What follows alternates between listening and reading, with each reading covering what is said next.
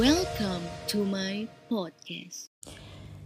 Eh, menanggapi kasus Desta yang mengajukan perceraian kepada Anastasia Rizky dan jadi di TikTok gue atau aplikasi sosial media gue munculnya dia dia mulu ya, terus dia ngomong gitu Eh, sebenarnya udah dilarang juga nih kamu udah gini gini gini gini. Tapi Allah udah kasih itu semua gitu kan dia bilang gitu.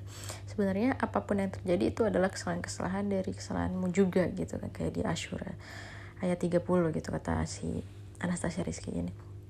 Jadi toh ketika kita komplain kan itu pilihan-pilihan yang kita buat sendiri.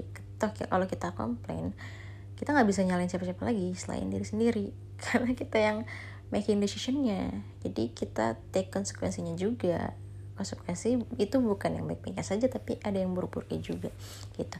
Nah berbicara tentang menjadi decision maker ini masih ada um, apa ya benang merahnya juga gitu kalau gue bisa bilang. Bener banget gitu. Ketika kita dihadapkan pada sebuah pilihan-pilihan pilihan-pilihan gitu janganlah pernah menyesali pilihan tersebut gitu. Karena pada, pasti di belakangnya ada konsekuensi akan pilihan yang lo ambil tersebut baik yang baik ataupun yang buruk. Atau lo memilih uh, di antara pilihan yang menurut lo lebih baik daripada yang terbaik dan uh, yang minim buruknya daripada yang terburuk gitu. Jadi menurut gue kesimpulannya adalah menjadi decision maker itu tidak atau bukanlah hal yang mudah. Bekalnya itu adalah critical thinking uh, analytic uh, thinking juga uh, sense atau kecerdasan berpikir.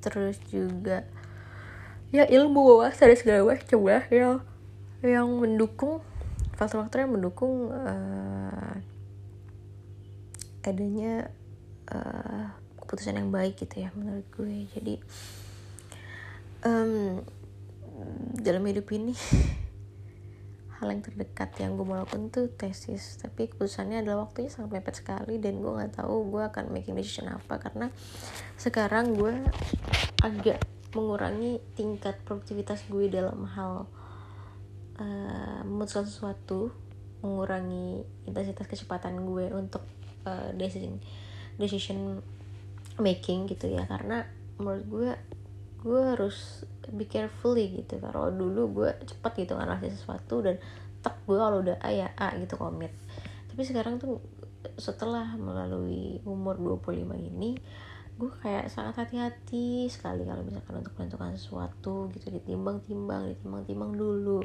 hal yang baik dan buruknya dan segala macem gitu. Kayak kelulusan kayak mau nikah kapan gitu kayak mau punya anak kapan kayak mau prioritasin apa dulu dalam hidup dan segala macam gitu. Kayak sangat hati-hati gitu harus be wise gitu. Karena uh, memasuki tahun-tahun silver age menurut gue itu adalah uh, salah satu faktor untuk mendukungnya masa kejayaan lo nanti ketika lo di umur 30 which mean uh, lima tahun lagi mendatang gitu. Jadi langkah yang gue ambil nih harus step carefully gitu loh. Step by step it's okay gitu. Karena kita maintain diri sendiri pun eh, nggak uh, bisa last two minute ya. Kita bukan lagi uh, berpolitik atau lagi jual uh, jual obat jualan obat gitu ya. Langsung cepat dan mungkin kita buka main lotre atau judi gitu. Jadi kita nggak bisa tuh last minute gitu. Jadi kita harus minute to minute untuk maintain segala sesuatu yang sangat tentunya hati-hati dan segala macam gitu ya. Karena banyak juga nih sebelum umur 25 hal-hal yang gue lakukan dengan mungkin tidak menyesal.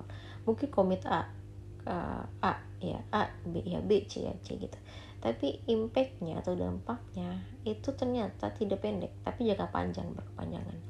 So di atas 25 ini gue merasakan hal-hal yang gue lalui sebelumnya lima tahun sebelumnya itu berimpact banget nih. Di umur gue yang 25 tahun ini kalau gue tidak terus belajar mengembangkan yang pengetahuan gue wawasan segala macem ya gue akan stagnan dan ya udah gue jadi manusia biasa. Pada umumnya aja gitu jadi kita punya harus punya unique poli poin dan segala macam untuk untuk kita bisa memutuskan jadi pembuat keputusan yang terbaik lah gitu ya maksudnya. Membuat keputusan yang baik dan menjadi pembuat keputusan yang baik juga. Dan uh, uh, kita juga harus bisa mampu menganalisis gitu ya. Analisis dengan analisis SWOT gitu. Itu sih.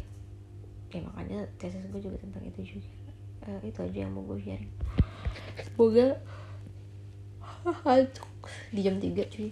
Uh, semoga orang-orang yang sekarang lagi dalam masalah semoga masalahnya cepat terselesaikan cepat kelar masalahnya dan semoga orang-orang yang baru mengambil keputusan baru dalam hidupnya semoga dimudahkan dan dilancarkan dan semoga itu adalah keputusan-keputusan terbaik yang kita ambil seperti itu Wassalam.